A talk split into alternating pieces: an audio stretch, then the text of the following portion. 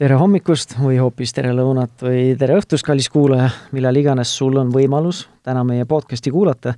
mina olen Tanel Jeppinen ja see on Pere ja Kodu podcast. ning täna on meil stuudiokülaliseks Balbo Vernik, tere Balbo! tere! ja see üleüldine teemapüstitus on selline, eks vaatab, kuhu me tegelikult lõpuks jõuame aga me tahaksime rääkida siis mehelikkusest, isadusest, isalikkusest ja ja siis meie seniste, senise elu nii-öelda õppetundides selles, selles teemas. ja et sulle, kuulaja, ka natukene konteksti anda, siis Balbo ise on äh, kahe lapse isa nii on, jah. mõlemad lapsed on juba üles kasvanud? no ikka kasvamises veel, et üks ju gümnaasiumis ja teine ülikoolis. aa, no näed, siis päris üles pole veel kasvanud. no et kus seda piiri tõmmata et no kas ma pesast välja lennan nii-öelda jutumärkides siis? no jah, jah, jah, ma olen ise algusest peale arvanud, et neid tuleb ikka nagu pigem välja aidata, mitte nagu aidata seal sees kogu aeg olla aga üks äge, üks põhjus, miks ma sind kutsusin, on see, et äh, mingi aeg tagasi me sattusime koos Äh, selle kahe tuhande kahekümnenda aasta Arvamusfestivalil osalema ühes äh, jutupaneelis, kus me rääkisime isade siis, isa rollist ja isade võrdõiguslikkusest ja nii edasi, ja seal siis äh, need teemaarendused, mis seal ei jõudnud võib-olla päris lõpuni arendada, siis ma tahaks nendest natukene edasi rääkida. ja üks vahva projekt, mis mulle kõrva jäi ja, ja millest ma tahakski võib-olla täna meie vestlust alustada, on see, mida te teete siis oma pundiga koos on MTÜ-ga. et äh, võtate pundi lapsi või klassi lapsi ja lähete mitmeks päevaks ja ööks metsa nendega. ja see, see on minu, see, kuidas mina nagu, võib-olla see on, see on ilmselt on väga palju rohkem kihte, aga see on see, mis äh, minule kõrvaltvaatajana tundus, et see on see, mida te teete, lähete lastega metsa ööseks, kodust ära, mugavustsoonist ära ja siis lihtsalt olete mm -hmm. ja vaatate ja mm, -hmm. ja ma ei tea, siis arenete võib-olla kõik koos nagu no lisan need kihid ka siia juurde igaks juhuks, et no et natukene pane seda liha siia kontide külge, et oleks me ise natuke... nimetame seda isegi klassisidususe parendamise programmiks, mis tähendab seda, et et ega me seda klassi nii väga ei võta, meil on tänaseks Tartus siis koolid on, ja Tartumaal on koolid meist nii palju teadlikud, et, et nad mõnikord isegi pöörduvad, et nad tahaks mõne klassi saata meiega metsa. aga see metsas käimine on üks episood ainult me kõigepealt edasisidestame selle matka lapsevanematele, küsime, kas tohib, noh, presenteerime ennast, räägime, miks me teeme, noh, et kui sellised karvased mehed selle armsa tütrekese peaksid metsa viima, et siis need emad saavad ikka jah ka öelda kuskil kõigepealt. ja siis me oleme tõesti lastega kolm päeva metsas, enne seda räägime lastega ka, et mida kaasa võtta, kuidas, mis, ja tutvustame neile kolme lihtsat reeglit, mis matkal on, soe peab olema, kõht peab täis olema ja üksteisega koos peab olema mugav olla. see on kolm põhireeglit. teeme selle matka, mis on tõesti siis kolm päeva, kaks ööd, äh, lapsed magavad metsamajas, meie magame telgis, siis kaks metsaisa on meil seal tavaliselt. ja tuleme tagasi ja siis äh, jätame jaamas hüvasti, rongiga käime tavaliselt, ja siis äh, tagasisidestame selle lapsevanematele, räägime ja siis ausalt ära, mis siis toimus, näitame pilte ja räägime kogu selle grupi sellise dünaamika, et me võib-olla oleme ainsad äh, täiskasvanud üldse, kes annavadki sellise äh, lapsevanemale äh, tagasisidet tema lapse keskkonnast ilma taustsüsteemita, et millises grupis ta viibib, millised on seal grupis need hoiakud, mis domineerib, kas on ju ka gruppe, kus hea ei domineeri ehm,. Väga tihti ka enda lapsest saab seal lapsevanemal mingi hoopis teine pilt, mida ta ei osanud üldse oodata.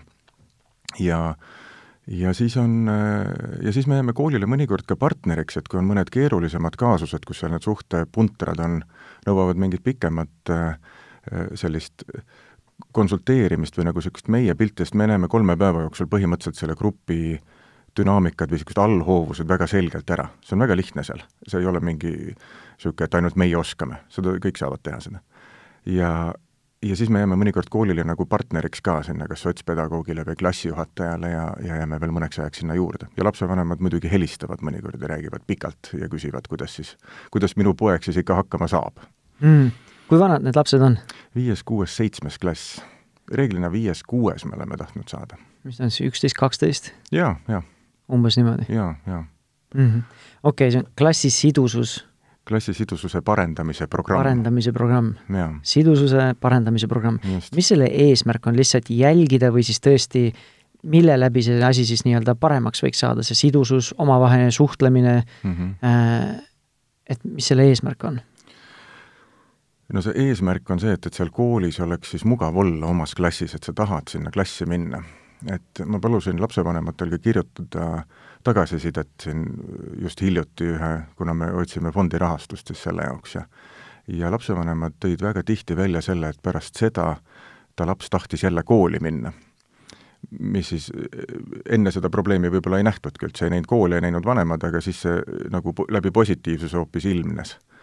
et üks selline lihtsamaid asju, mida me oleme oma metsaisadega arutanud, et mis võiks olla see asi, mis mis see reaalne tulem on, on see, et, et need valed maskid kukuvad eest ära.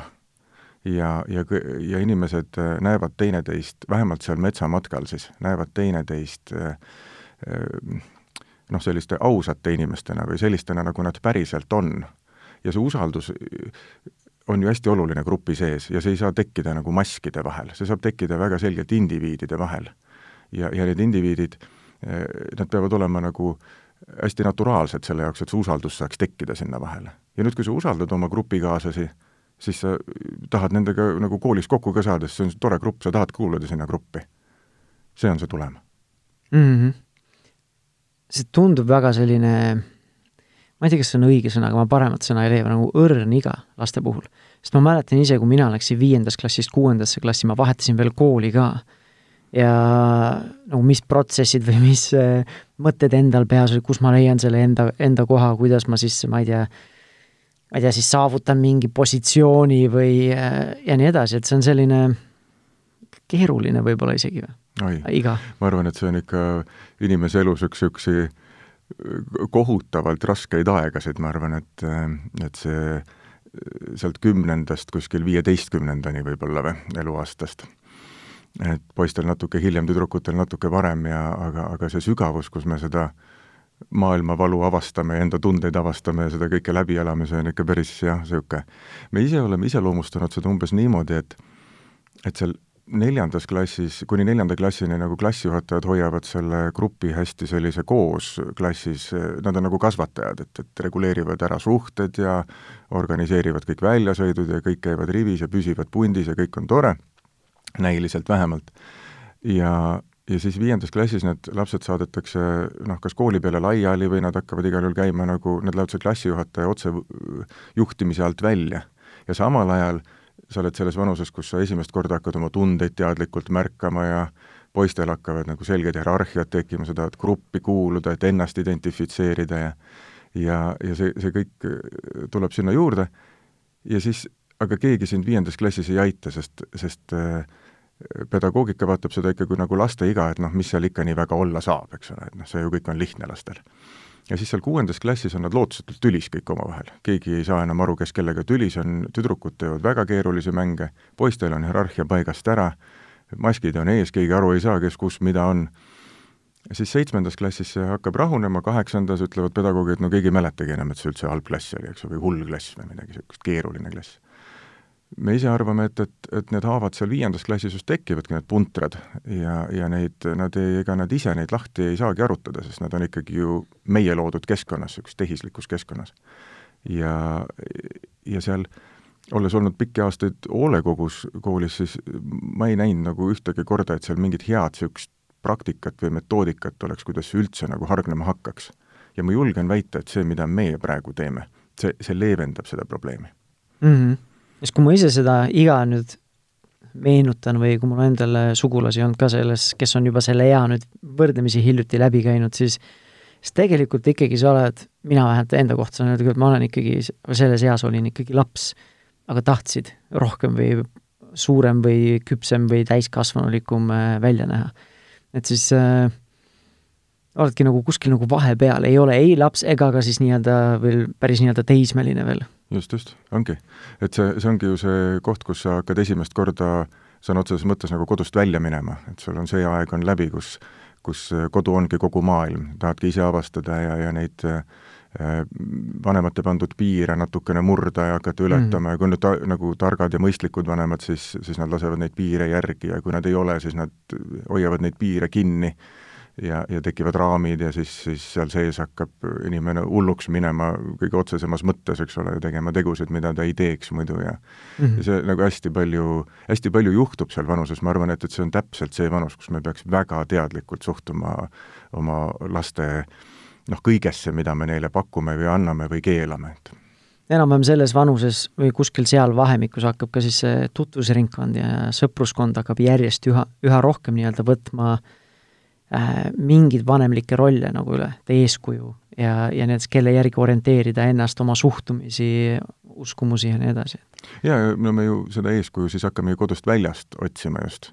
et äh, tulevad esimesed paar aastat vanemad sõbrad ja need tunduvad kõige ägedamad ja ja, ja siin ei tasu ka kindlasti alahinnata seda äh, varaseksuaalsust, mis, äh, mis paneb liikuma ja, ja meie päevil, meie, meie nagu selliste tehniliste vahendite juures äh, ei saa siinkohal ka pornost mööda minna, mis, mis seal vanuses, tänasesse noorusesse ikka nagu noh, ma ei ütleks, et ta nagu riivamisi kuidagi mööda läheb, vaid ikka nagu meie kogemuses ja me oleme, me näeme ühe talve jooksul mitukümmet klassi. Ja ja meie kogemuses on see porno ikka üsnagi noh, selline mitte mingi kuskil taustal, vaid ta on ikka nagu vaadatud, nähtud, arvatud, et selline keeruline lugu sellega täiesti mm. -hmm. no eks vaatame, kas me jõuame selle esmase teemapüstituse juurde ka, selle mehelikkuse isaduse juurde, aga aga kui sa nüüd räägid sellest, siis äh, nii mõnigi kord ma kujutan ette, et te näete oma metsaisadega neid noh, ütleme siis noori või lapsi äh, võib-olla isegi ka rohkem või ehedamalt, kui nii mõnigi lapsevanem näeb neid? see võib kin-, see võib olla küll niimoodi, et meie käest hästi tihti küsitakse, et kas te telefonid jätate maha ja me ütleme, et ei näe põhjust, et et, et me ju tahaks vanematelt telefonid ära korjata, sest vanemad ju helistavad ja küsivad, et kui hull sul seal nüüd juba on ja kas ma tulen sulle juba järgi või, või mismoodi et see vanemate kontroll on küll ikka natukene saadanast ja, ja on, ei ole mitte harvad need korrad, kui kui tuled tagasi ja siis äh, noormees räägib sul kõrval, et, et näed, panin telefoni kotti, et ollagi nagu kodust kaugemal ja metsas ja, ja ära ja näed, ja ema on helistanud seitseteist korda ja saatnud kaheksa sõnumit, eks ole. ja pinginaabrile veel sama palju. ja, ja just, just, just. et ja matkajuhil ei ole keegi helistanud, küsinud, et kas sul laps elus on, noh, kui sa nagu päriselt tahad teada. aga see pilt, kui me tagasisidestame lapsevanematele, siis see on mõnikord küll niimoodi, et mul on olnud juhuseid, kus kus ema on ikka seadnud kahtluse alla, kas ma tema lapsest räägin. ma vaatan fotode pealt uuesti, et see poiss, jaa, see poiss, see poiss, jah. ei ole, kirjeldus ja pilt ei lähe kokku üldse. et, et eks me vist, nagu sa ütlesid, et vot see on niisugune hästi õrn iga, et eks me nagu kipume oma vanemlikkuses ka nagu tahame nagu jätkata ikkagi nagu seda lapselikkust seal lapse juures, aga laps tahaks nagu minna sinna täiskasvanute maailma ja see on mingi murdeline koht, kus me vanematena ka esimest korda ilmselt murdume väga tugevalt või peame, peamegi nagu kas murduma või muutuma, eks. mingi etapp saab ikka väga selgelt läbi. ja, ja seda tuleb arvestada, et me ikka lapsevanemana ka nagu igas arengus teeme läbi mingeid etappe ja see on see etapp, kus siis nagu anna järgi, lase tal natukenegi minna see tundub äh, olema paljudele vanematele lihtne, lihtsam öelda kui teha. et äh, praktikas ka, jah, on see et nii? et ma olen, äh, noh, meie lapsed on praegu veel noored, aga me juba naisega võtsime ühe seksuaalkasvatuse kursuse, ehk siis kuidas ma kodus saan toetada tervislikku seksuaalset arengut ja mis on okei okay,, mis ei ole okei okay,, mis on eakohane, kõik need asjad mm. -hmm. ja meil on, äh, seal nii-öelda grupis oli siis ka äh, Äh, vanemate lastega, kes olid siis juba varateismelised või sellised eelteismelised, kümme, üksteist äh, tütred. ja siis ema ise ka teadlikustas ja ütleski, et ma ei tahaks tegelikult selle asjaga ise ka veel tegeleda, sest kui mina nüüd tegelen ja teadlikustan neid teemasid, siis siis see nagu kiirendab kohe nagu tema jaoks seda laste üleskasvamist, kuigi tegelikult ju lapsed teevad oma protsessi taustal nii või teisiti edasi, et sellest ja. nagu väga ei sõltu. aga selline ärevus või hirm äh, need, need lapsed kasvavad liiga kiiresti üles, see on ju reaalne ja mingil määral mõistetav ka ju. noh, kindlasti peaks eristama veel seda, et, et, et üks asi on see kasvamine, see lapse enda kasvamine ja teine on see keskkond, mille eest me paaniliselt üritame kaitsta, eks ole, et, et min-, minul oli šokk kunagi, kui kui kooli tuli suitsetamisest vabaks kampaania ja, ja see algas minu meelest vist kas kolmandas klassis või. mina olin ka siis noore lapsevanemana ikka minestuse äärel, et kolmandas klassis, noh, ma olin siis ise suitsetaja, et, et no ei ole võimalik, et kuidas see nii varakult, issand jumal küll, on ju. aga äh, statistika näitab seda, et seal alustatakse. Äh, ja see kaitsmine, noh, on ikkagi mingid andmed olemas ühiskonnas, mida peaks järgima, et, et mida, mille eest peaks kaitsma ja, ja, ja mille arengut peaks soodustama, eks, et ja seksuaalkasvatus on küll selline asi, kus äh, vanematel on kindlasti väga oluline roll, mida seal, mida seal nagu parasjagu, mille eest kaitsta ja mida, mida võiks näidata, et ma igaks juhuks ütlen sellesama pornoga ära selle, et, et seal on enamasti, ei ole lastel ju selles vanuses küsimuses, küsimuse all üldse see tehniline pool vaid, vaid just kuigi nad seda tehnika, noh, paratamatult sa võid ka seda telereklaamis näha või, või ma ei tea, tavalises Hollywoodi filmis ka, et I love you öeldakse ikkagi hetk enne linade vahele minemist, et neil on peas on pigem segadus mitte selles tehnilises pooles, vaid just selles, et millal see õige aeg või kuidas see nagu, kuidas ma jõuan selleni, et et sa pead arvestama ka, et, et see lapsel on selles vanuses on puberteedi üks definitsioon, on ju see, et ma tahan käituda täiskasvanulikult ja täiskasvanud seda teevad. televiisoris teevad mul ilm-, noh, vanemad ei tee kunagi, eks ole. aga et, et ma näen, et, et kuskil seda tehakse ja ma tahan käituda täiskasvanult, aga mul seda tunnet ei ole, hormooni veel üldse pole olemaski. muidugi see hormoon võib nagu tekkida hästi äkki või ta tekibki ju äkki, eks, aga et, et siis äh, need küsimused lastel, meil seal teise päeva õhtul tavaliselt on niisugune siis, kui juba maha rahunevad paljud asjad ja, ja tekivad sellised vestlusõhtud, siis siis äh, porno kohta on väga tihti küsimus, on see, et et nad ei ole aru saanud, et see ei ole päris. ja see on see põhisõnum, mida me anname, et me ei normaliseeri nagu äh, pornot seksuaalkasvatuse osana, vaid me ütleme, et see on nagu film, noh, see ongi nagu Hollywoodi näitlejad, ega see Bruce Willis sealt äh, päriselt seda äh, Äh, Die Hardis nagu seda pilvelõhkujat ei päästa, eks ole. või lennukit ei maanda ilma õppeta nagu. täpselt, täpselt, et hüppan sinna pulti ja siis vajutan neid nuppe ja olengi maas, eks ole, et teised õpivad mitu aastat, enne kui tohivad üldse sinna istuda, eks, et et ja see on väga suur vabanemine neil. ja ma ei tea, miks, miks kooli inimeseõpetus, kui ma küsin laste käest, et okei okay,, et et milline on turvaseks, millest algab turvaseks, siis nad ikkagi alustavad äh, preservatiivist mina räägin kogu aeg sellest, et turvaseks algab turvalisest suhtest, et sa pead kõigepealt nagu selle suhte looma, võib-olla see esimene suhe on üldse, sa vaatad otsa või võib-olla hoiad käest kinni, võib-olla sa istud lihtsalt tema kõrval mõne tunni ja see juba on noh, mingisugune suhte algus ja sealt seksini on veel hiiglama pikk maa, eks ole, mida, mida Pornhub näitab, eks ole. et ja see on asi, mida, mida neile ei seleta keegi. et nende küsimus ei ole üldse mitte tehniline, vaid see, et kuidas selleni siis, kuidas need täiskasvanud sinnani jõuavad? See on see küsimus ja see on vastamata mm.. no sellest võiks juba eraldi saate teha nendest teemadest. ma räägin filmist, et ma lõin su pahviks vist natuke. ei, ei, et äh, ma mõtlengi, et kuidas äh, kas me lähme nüüd sellega edasi või tuleme korraks selle, selle teie matkade juurde tagasi, et kui palju, sest sa ütlesid, et lapsed on enamasti kuskil RMK metsamajas ja teie siis, need metsaisad, olete siis telgis seal kõrval. ehk siis lapsed mingil määral nagu funktsioneerivad ise selle rühmana. ja kas siis orienteerivad ümber neid, seda hierarhiat või neid suhteid, et mis nagu küsimus mul või uudishimu on, on selle kohta, et kui palju te ise reaalselt lihtsalt olete ja vaatlete ja kui palju te ise siis oma sisendiga kas siis juhite, suunate või siis nagu rääkisite, et et vestlusõhtute ajal siis nagu ma ei tea, kas vastate küsimustele või, eh, või mis iganes te seal veel teete, et mis on nagu teie roll seal? et lihtsalt hoida neid turvaliselt, et keegi ära ei kao ja kellelgi midagi ei juhtuks, on ju, aga kui palju te nendesse suhetesse äh, puutute? jah, see on niisugune küsimuste küsimus, jah, peaks mi, mi, mitu tundi rääkima.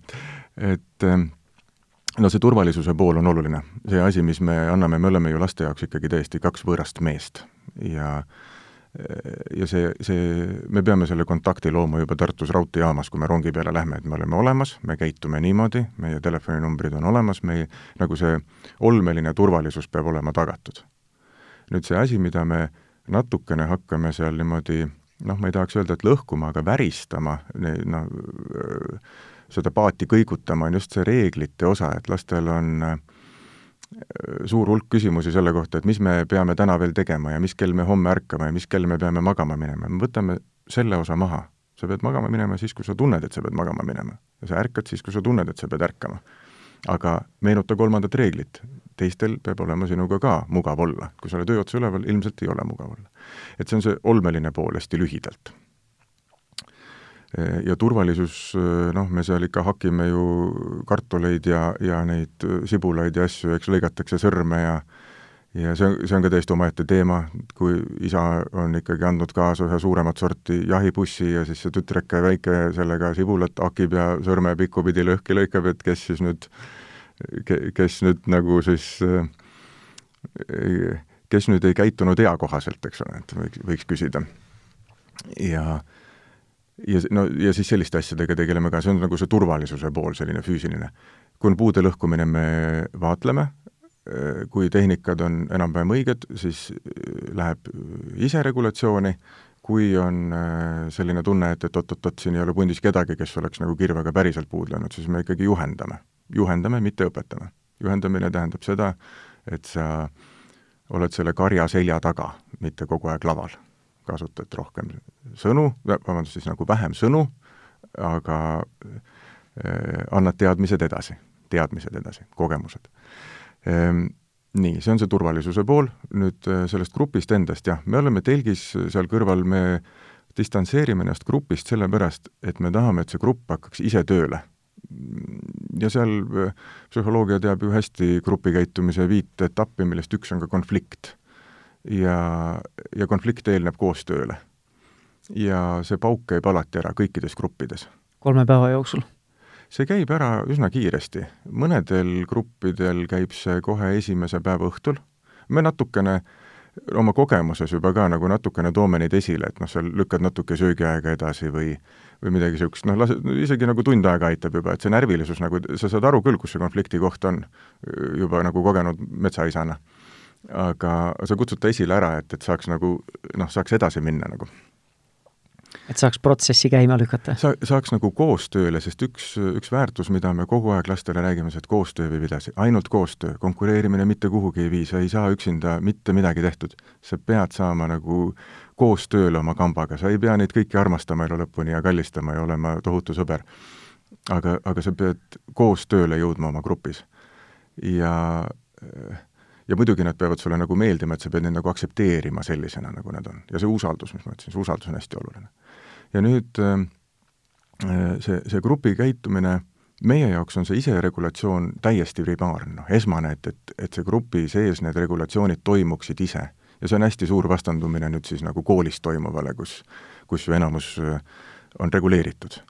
ja seal, ja lastel puudub ka kogemus äh, sellise käitumise kohta. seetõttu nad ise avastavadki oma kaaslasi meil on seal see söögi tegemine, nagu ma ütlesin, on niisugune pikk ja noad on natuke nürimad kui tavaliselt ja ja siis on äh, selline seesama ruumi kütmine, see on teie ruum, teie kütate seda, teie hoiate seda, jällegi on lapsevanemad küsinud, aga turvalisus, et nad ju panevad põlema e. ei pane põlema, inimesed käituvad väga alalhoidlikult, kui need nagu see äh, keskküttega ülevalgustatud ruum ümbert ära võtta, te ise ka, kui te lähete metsa, siis te ei jookse kõigepealt mööda sammalt peaga vastu puud, vaid sa kõnnid hästi aeglaselt, et pehme ja võib-olla on pime ja lapsed ei lähe kunagi kaugemale, kui lõkketuli on näha. Ehm, et ja, ja see grupp hakkab ise, iseennast äh, reguleerima ja seal juhtuvad igasugused asjad, noh neid piire proovitakse kogu aeg, üks väga hea näide on see, et üks äh, ühes metsamajas on lahtise suuga kamin, üks äh, kutt pani, tegi paberlennuki, pani selle põlema, viskas mööda ruumi, eks. selle peale toimus majas tohutu kisa, mida me siis nagu metsaisadena kuulsime küll, et lõkke äärde kuulsime ära. ja saime ema käest, äh, emade käest pärast nahutada, et, et lubate sellisel asjal juhtuda. ei, ei, me ei lubanud juhtuda. poiss proovis piirid ära. nüüd on see, et, et mis seal siis toimus ta viskas selle paberlennuki lendu, ta sai tohutu kisa osaliseks kogu grupp mõistis ta hukka. ilmselgelt sai see poiss ise ka aru, et, et see oli nagu kõikidest piiridest üleminemine. ja ta mitte kunagi ilmselt ei tee seda omas seltskonnas. nüüd, kui sa nagu matkajuhina lähed sinna veel targutama keset seda gruppi, ise ka suures paanikas, et mida sa tegid ja issand jumal ja sa paned kõik põlema ja seal ei ole mingit mõtet enam. siis sa veel lisad nagu sellele poisile, kes sai elu ühe suurema õppetunni parasjagu, lisad veel nagu sellist äh, Äh, valu juurde, et äh, õppimine ikkagi on valus, aga see tagasiside sealt sellelt grupilt oli talle ka valus ju. ja, ja nüüd, kui sa nagu veel seda valu võimendad, siis, siis ta võib seda proovida uuesti puhtalt sellepärast, et äh, tähelepanu saada, eks ole. aga grupp reguleerib ise ära selle, ta ütleb, et see ei ole turvaline, ära tee niimoodi ja ongi korras juba, rohkem ei proovi. nii et äh, see iseregulatsioon on see vastus su küsimusele, miks me oleme eemal, aga me oleme siiski nagu nii kuulde kaugusel, et me saame koheselt reageerida, kui nad on liiga kaua vaiksed või siis on see kisa liiga suur korraga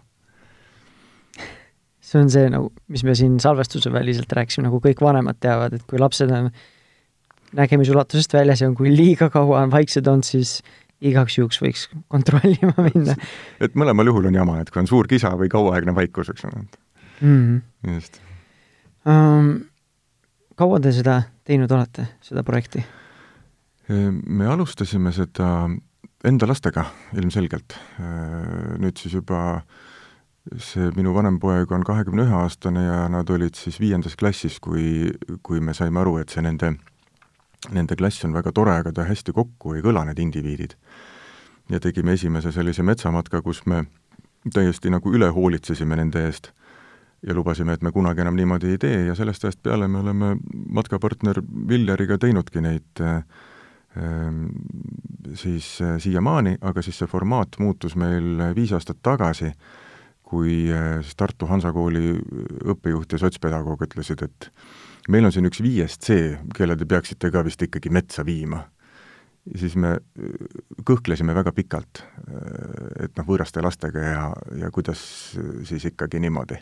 lõpuks leppisime, et olgu, me viime, aga me viime neli klassi, et kui ühega läheb täitsa untsu, et siis vähemalt mõnega äkki tuleb mingi edulugu ka ja kui me olime selle esimese viiendat C sinna metsa ära viinud, siis õpetajad küsisid koridori peal, et mis te tegite nendega et nad on nagu ümber sündinud. no me võtsime nagu pugud õhku täis ja, ja ütlesime, et no meil sotsiaalpsühholoogiline analüüs, grupikäitumise erinevad metoodikad, tegime kõike, kõik, me ei teinud mitte midagi. me lasime täpselt seesama, mis ma siin räägin, seda kõike lasimegi juhtuda.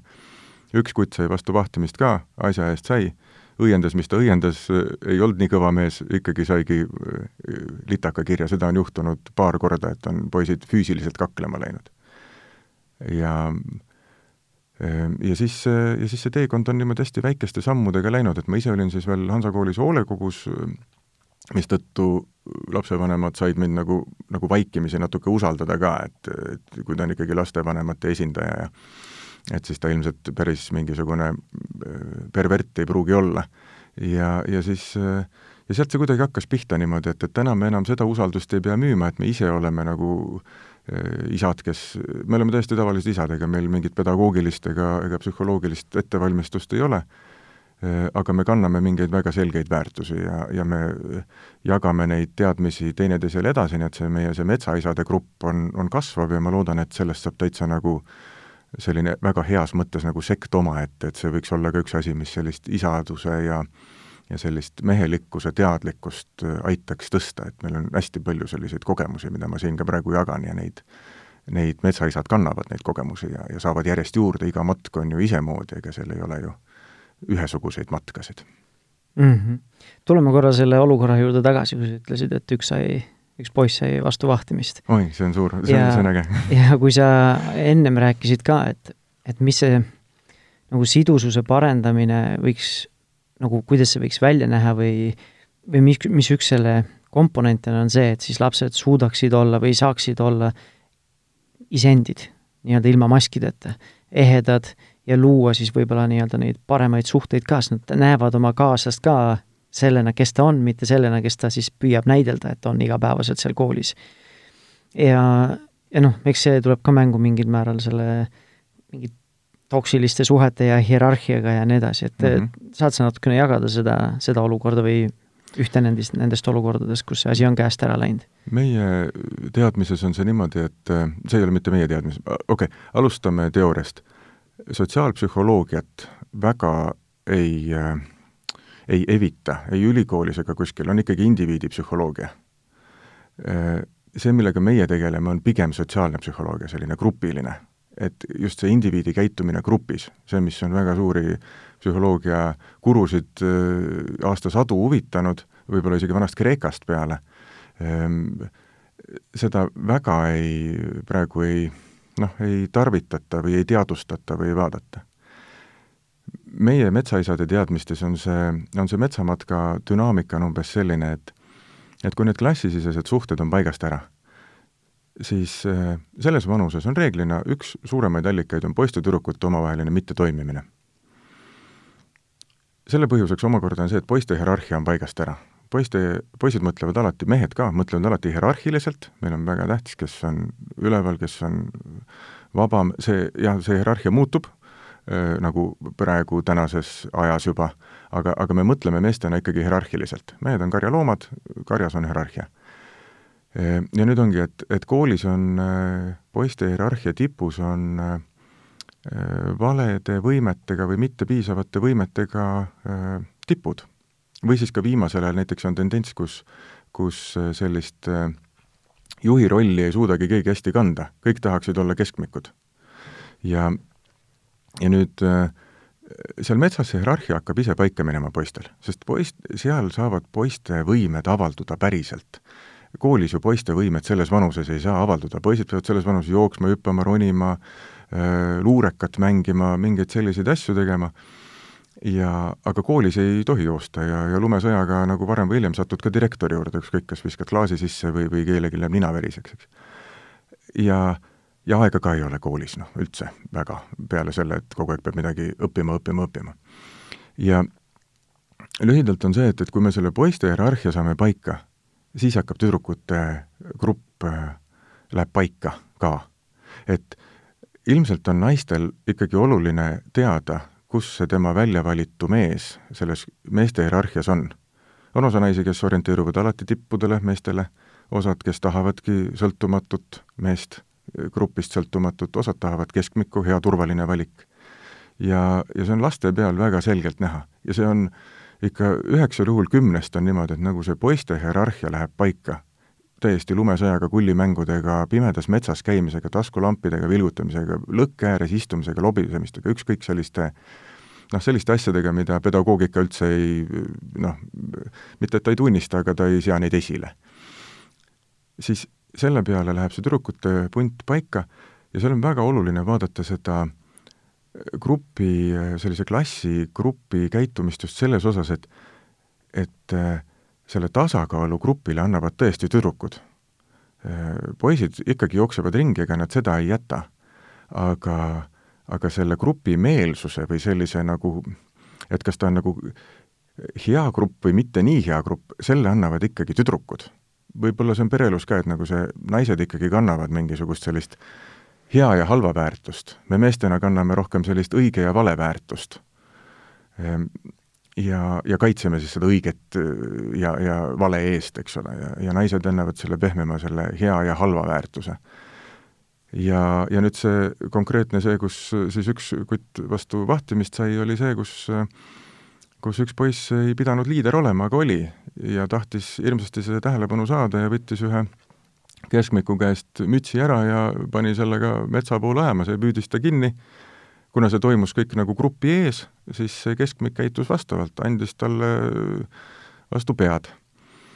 mitte midagi eluohtlikku, selles mõttes, et mina üles kasvanud enne üheksakümnendaid Kadriorus, Lasnamäe, Veerul, eks ole, on hullemaid kaklemisi kordades aga mis siis edasi juhtus?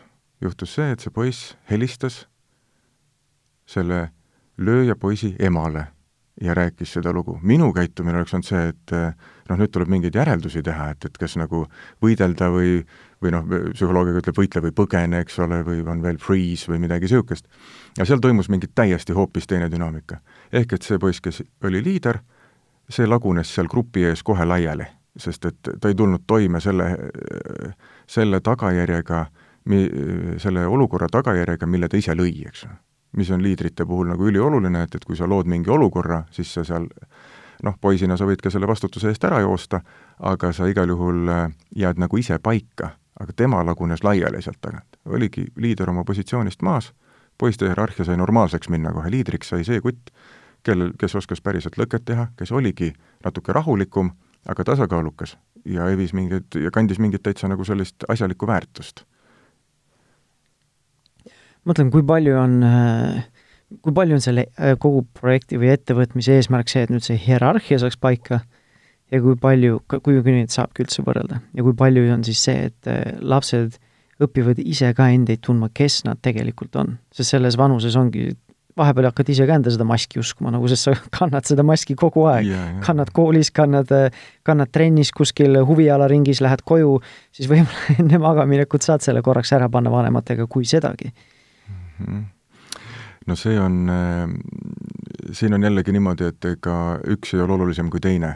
et ega sa ei saa ju lahutada seda äh, seda rolli sellest inimesest ja see, see peamine asi, mis ju ikkagi juhtub, et kui see mask eest ära kukub, siis sul on ka nagu mingi sisekaemus. sa vaatad ikka sisse, et, et see dialoog tekib sinu sees, et kes ma siis ikkagi olen, mis mulle meeldib, mis ei meeldi, kus mu hirmud päriselt on. Äh, nad on nii noored, et neil ei ole ju veel mingisuguseid äh, kinnistunud mingisuguseid tohutuid mustreid sinna alla, et oo oh,, ma sain, ma ei tea, kolmeaastaselt sain sellise kogemuse ja nüüd ma ei saa üldse, ma ei tea, midagi teha, eks ole. et nad on nii palju noored ju, et, et neil mustrid veel ikka põhiosas puuduvad. ja, ja see sisemine mm, mina pääseb ka välja. et ühtepidi ju äh, see isiklik vastutus on ka asi, mida me lastelt kogu aeg ära võtame, eks ole, me, me ei anna neile võimalust äh, vastutada, mis võtab ära ka äh, see on see, mis tänapäeva ühiskond teeb, mitte see, mis teie seal teete? jaa, ja see on see, mida vanemad teevad väga edukalt, et, et ta jumala pärast ei saaks äh, ebaeduga kokku. ja tänu sellele ta saab, ta ei koge ka seda edu väga hästi, sellepärast et ta ei ole ebaeduga, me inimestena defineerime ikkagi edu läbi eda-, ebaedu või, või, või head läbi halva, eks, duaalses maailmas. et, et see, et kui see mask seal sellel noorel inimesel eest hakkab ära vajuma, siis see esimene vaade on sisse ja see mina teadlikkus hakkab üles tulema ja ei ema ega isa ega õpetaja ei aita sind ka seal parasjagu, sa peadki ise toime tulema. võib-olla on selleks esimeseks sammuks see, et sa pead oma kausi ise puhtaks saama. võib-olla on selleks esimeseks sammuks natuke rohkemat, et sa pead äh, grupis suutma öelda nagu kolm lauset, et enda eest seista ja siis sa oled uhke, et sa said sellega toime, eks ole, et, et sul ei ole, alati koolis on nagu, koolis on küll kinnistunud mustrid, jah, koolimustrid lagunevad ka ära seal. Äh, ka need, mida õpetajad väga edukalt kannavad. sa tead küll, kolmandas klassis sa olid nagu paha poiss, siis äh, sa oled ikka kuni põhikooli lõpuni oled see paha poiss, ega see ei kao kuhugi mm. -hmm. sa võid ise maine olla, tuleb edasi sa võid olla arenenud nagu nullist sajani vahepeal ja mida sa ilmselt teedki selles vanuses, aga, aga see, sa ikkagi äh, vene keele õpetaja jaoks oled sa ikka see paha poiss, noh, see, kes seal kolmandas klassis tooliga kogu aeg kõikus, on. Et, ähm, et ja see, see isiklik vastutus on väga hea sõna, mis sa ütlesid, see, see ongi seal, mis juhtub, et sa pead ise saama oma koti lahti, sa pead saama oma riided lahti võetud, magama mindud, magatud nii palju kui vaja, noh, niisugune nagu laagrielu on, me kõik ikkagi oleme laagriga õnneks kokku puutunud rohkemal-vähemal määral lihtsalt, et meie matkajuhtidena ei tule sinna isa ega ema mängima, noh ennekõike ema siis niisugust hoolitsema, et kas sa ikka saad ja kuidas ja pange ennast magama nii, nagu te tahate.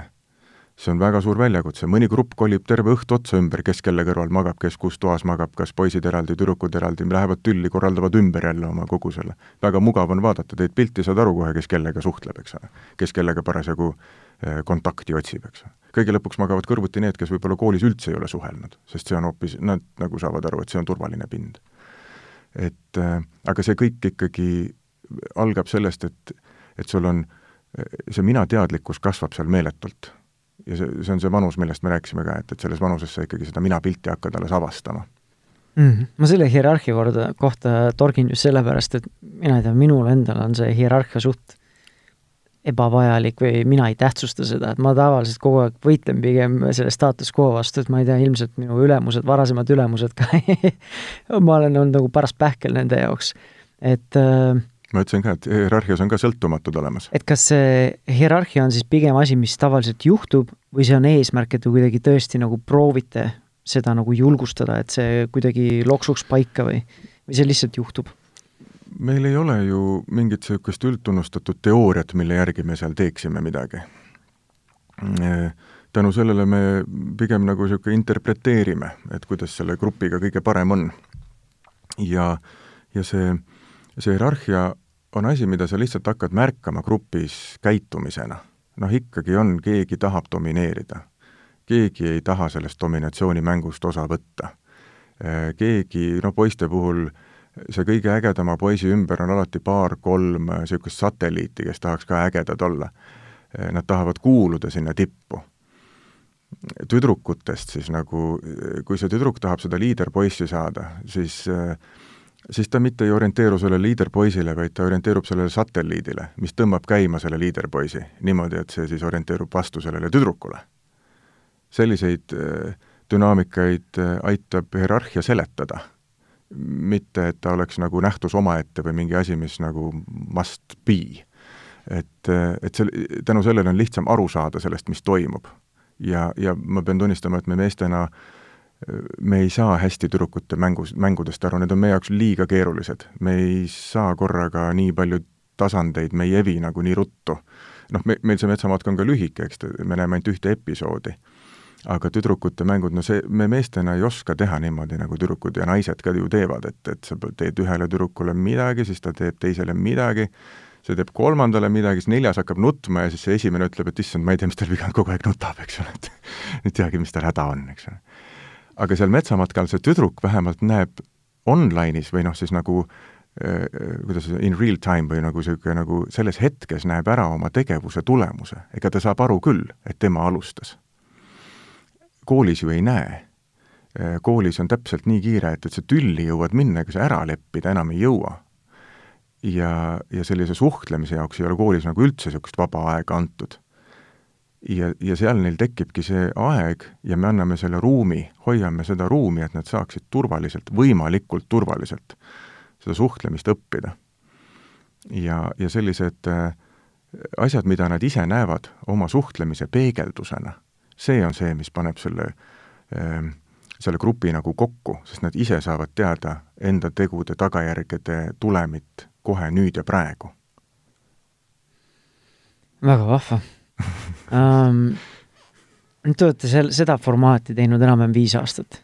ja sa ütlesid, et ühe talve jooksul no. kohtute mingi kahekümne klassiga või paarikümne klassiga meil ei ole, me, meil on see kasvab kogu aeg, nagu ma ütlesin, et esimene kord oli neli klassi ja mm. siis järgmine aasta oli rohkem ja nüüd, nüüd eelmine talv meil oleks olnud siis äh, kolme nii-öelda juhtiva metsaisa peal, meil metsaisaid on rohkem, aga siis nagu äh, metsaisa on juht ja vabatahtlik äh,. üks siis õpib ja teine siis kannab mingisugust teadmist juba äh,.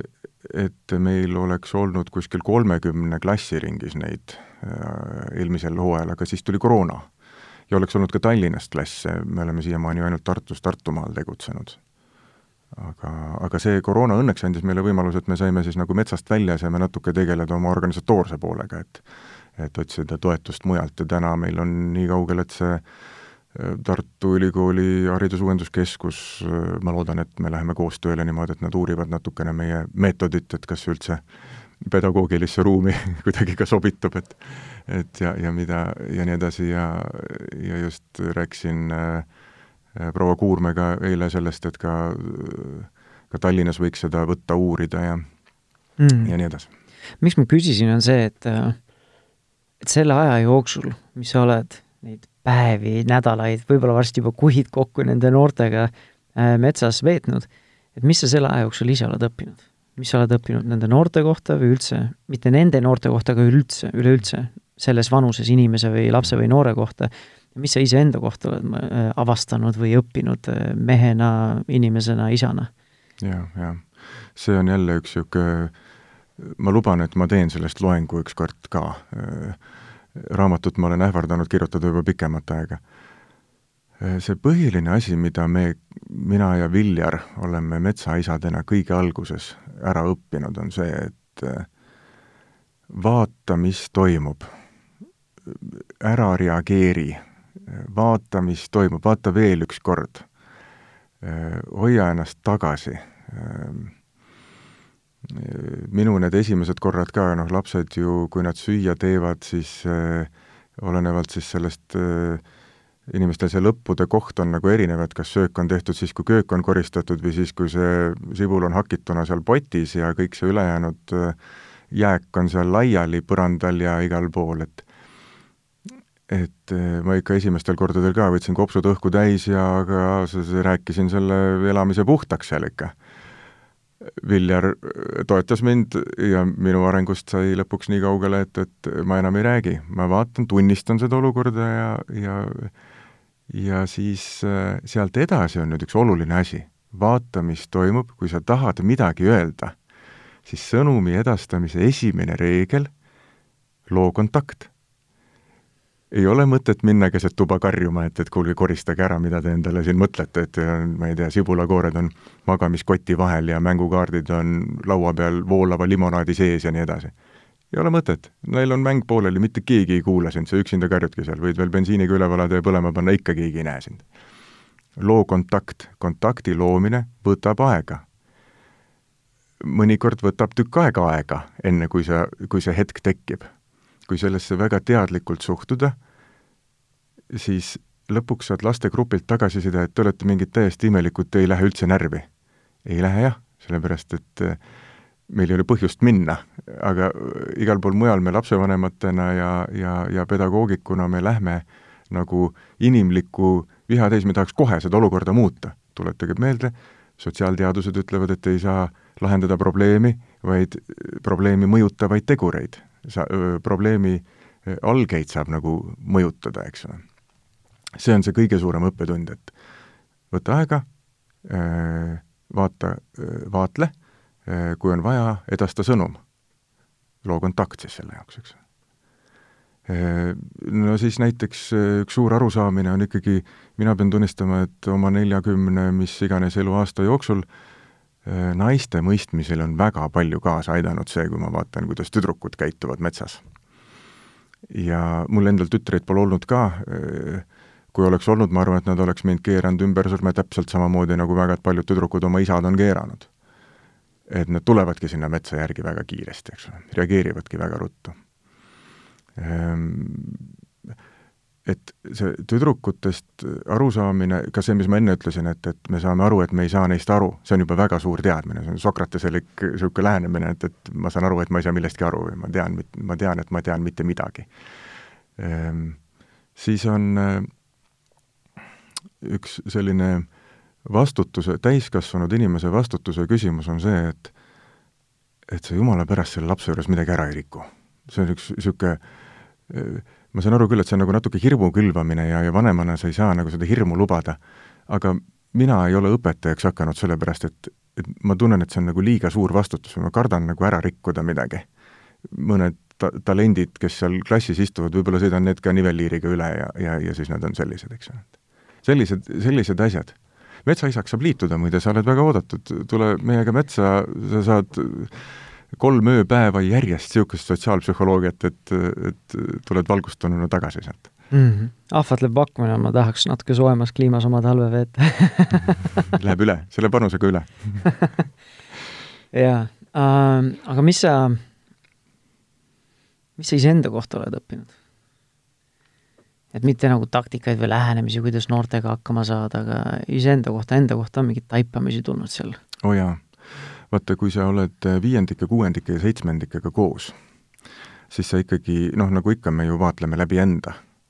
Enda need igasugused kompleksid, mis sa koolist oled kaasa saanud või sellest vanusest üleüldse, neid ikkagi hakkad märkama ja saad aru, kus mul need sisemised päästikud on, et aa, sellepärast ma lähen närvi. Mina ei ole kooli kunagi hästi sobinud, mitte ühessegi, ka ülikooli mitte. aga ja, ja seetõttu ma olen ilmselt kooli ajal ikkagi nagu on natuke selgeks tehtud, sa oled ikkagi loll, sest noh, nagu tarkuse mõõde on ju nagu see, et sa saad koolis hästi hakkama. ja kui sa koolis ei saa hästi hakkama, siis sa oled ikkagi pigem noh, mitte, mitte, et mitte tark, vaid ikkagi loll. ja, ja see, ja, ja ma olen tänu sellele, ma olen ikka äh, tänu nüüd nendele metsamatkadele ja ka isaks olemisele ikkagi aru saanud, et ma ikka ei, ei ole ikka nagu, täitsa loll ei ole aga vaata, kui palju aega on läinud sealt viiendast klassist minul mööda, paarkümmend aastat. et alles aru, kakskümmend aastat ma olen elanud teadmises, ma olen ikka nagu noh, noh, katsume kuidagi hakkama saada siin, eks ole. et see, selline eneseteadlikkus, ka enda selline enesekindlus on hästi palju suurenenud tänu sellele ja see ilmselt tuleb ka vanuselise nagu sellise elukaarega samal ajal. aga nagu ikka, et küsimus on, et millega sa tegeled selle elukaare jooksul ja, ja see metsamatkad on ikka väga palju sellist lapsepõlve vaatamist täidanud mm. -hmm. ma siin naersin omaette tasakesi, et kui sa ütlesid, et äh, lapsed imestavad, et ei lähe närvi metsaisad, siis ma nagu tahtsin kohe vahele susata, et aga miks peakski, need ei ole minu lapsed et enda lapsed leiavad need nupud alati üles ja need vajutamised on kuidagi võib-olla valusamad ka, et see teiste laste nii-öelda vaatlemine ja nende seltskonnas olemine, on see aidanud siis enda kannatlikkusele ka kaasa, et enda lastega? seda peab mu poegade käest küsima, aga ma arvan küll.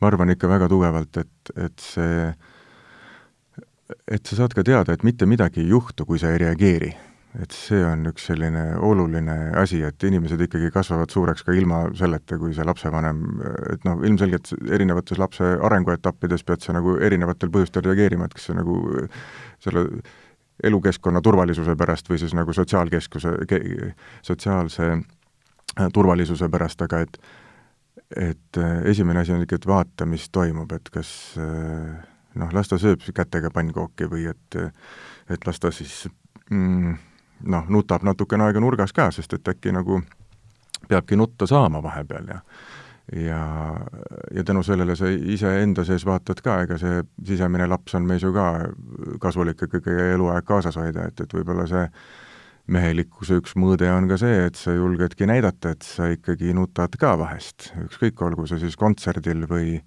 või äh, kui näed oma poega äh, midagi toredat tegemas või siis vastupidi, nagu et ongi nagu väga kurb, et sa eladki sellele kaasa niimoodi. tunnete näitamine on meie ühiskonnas ikkagi noh, mittemehelik tegevus.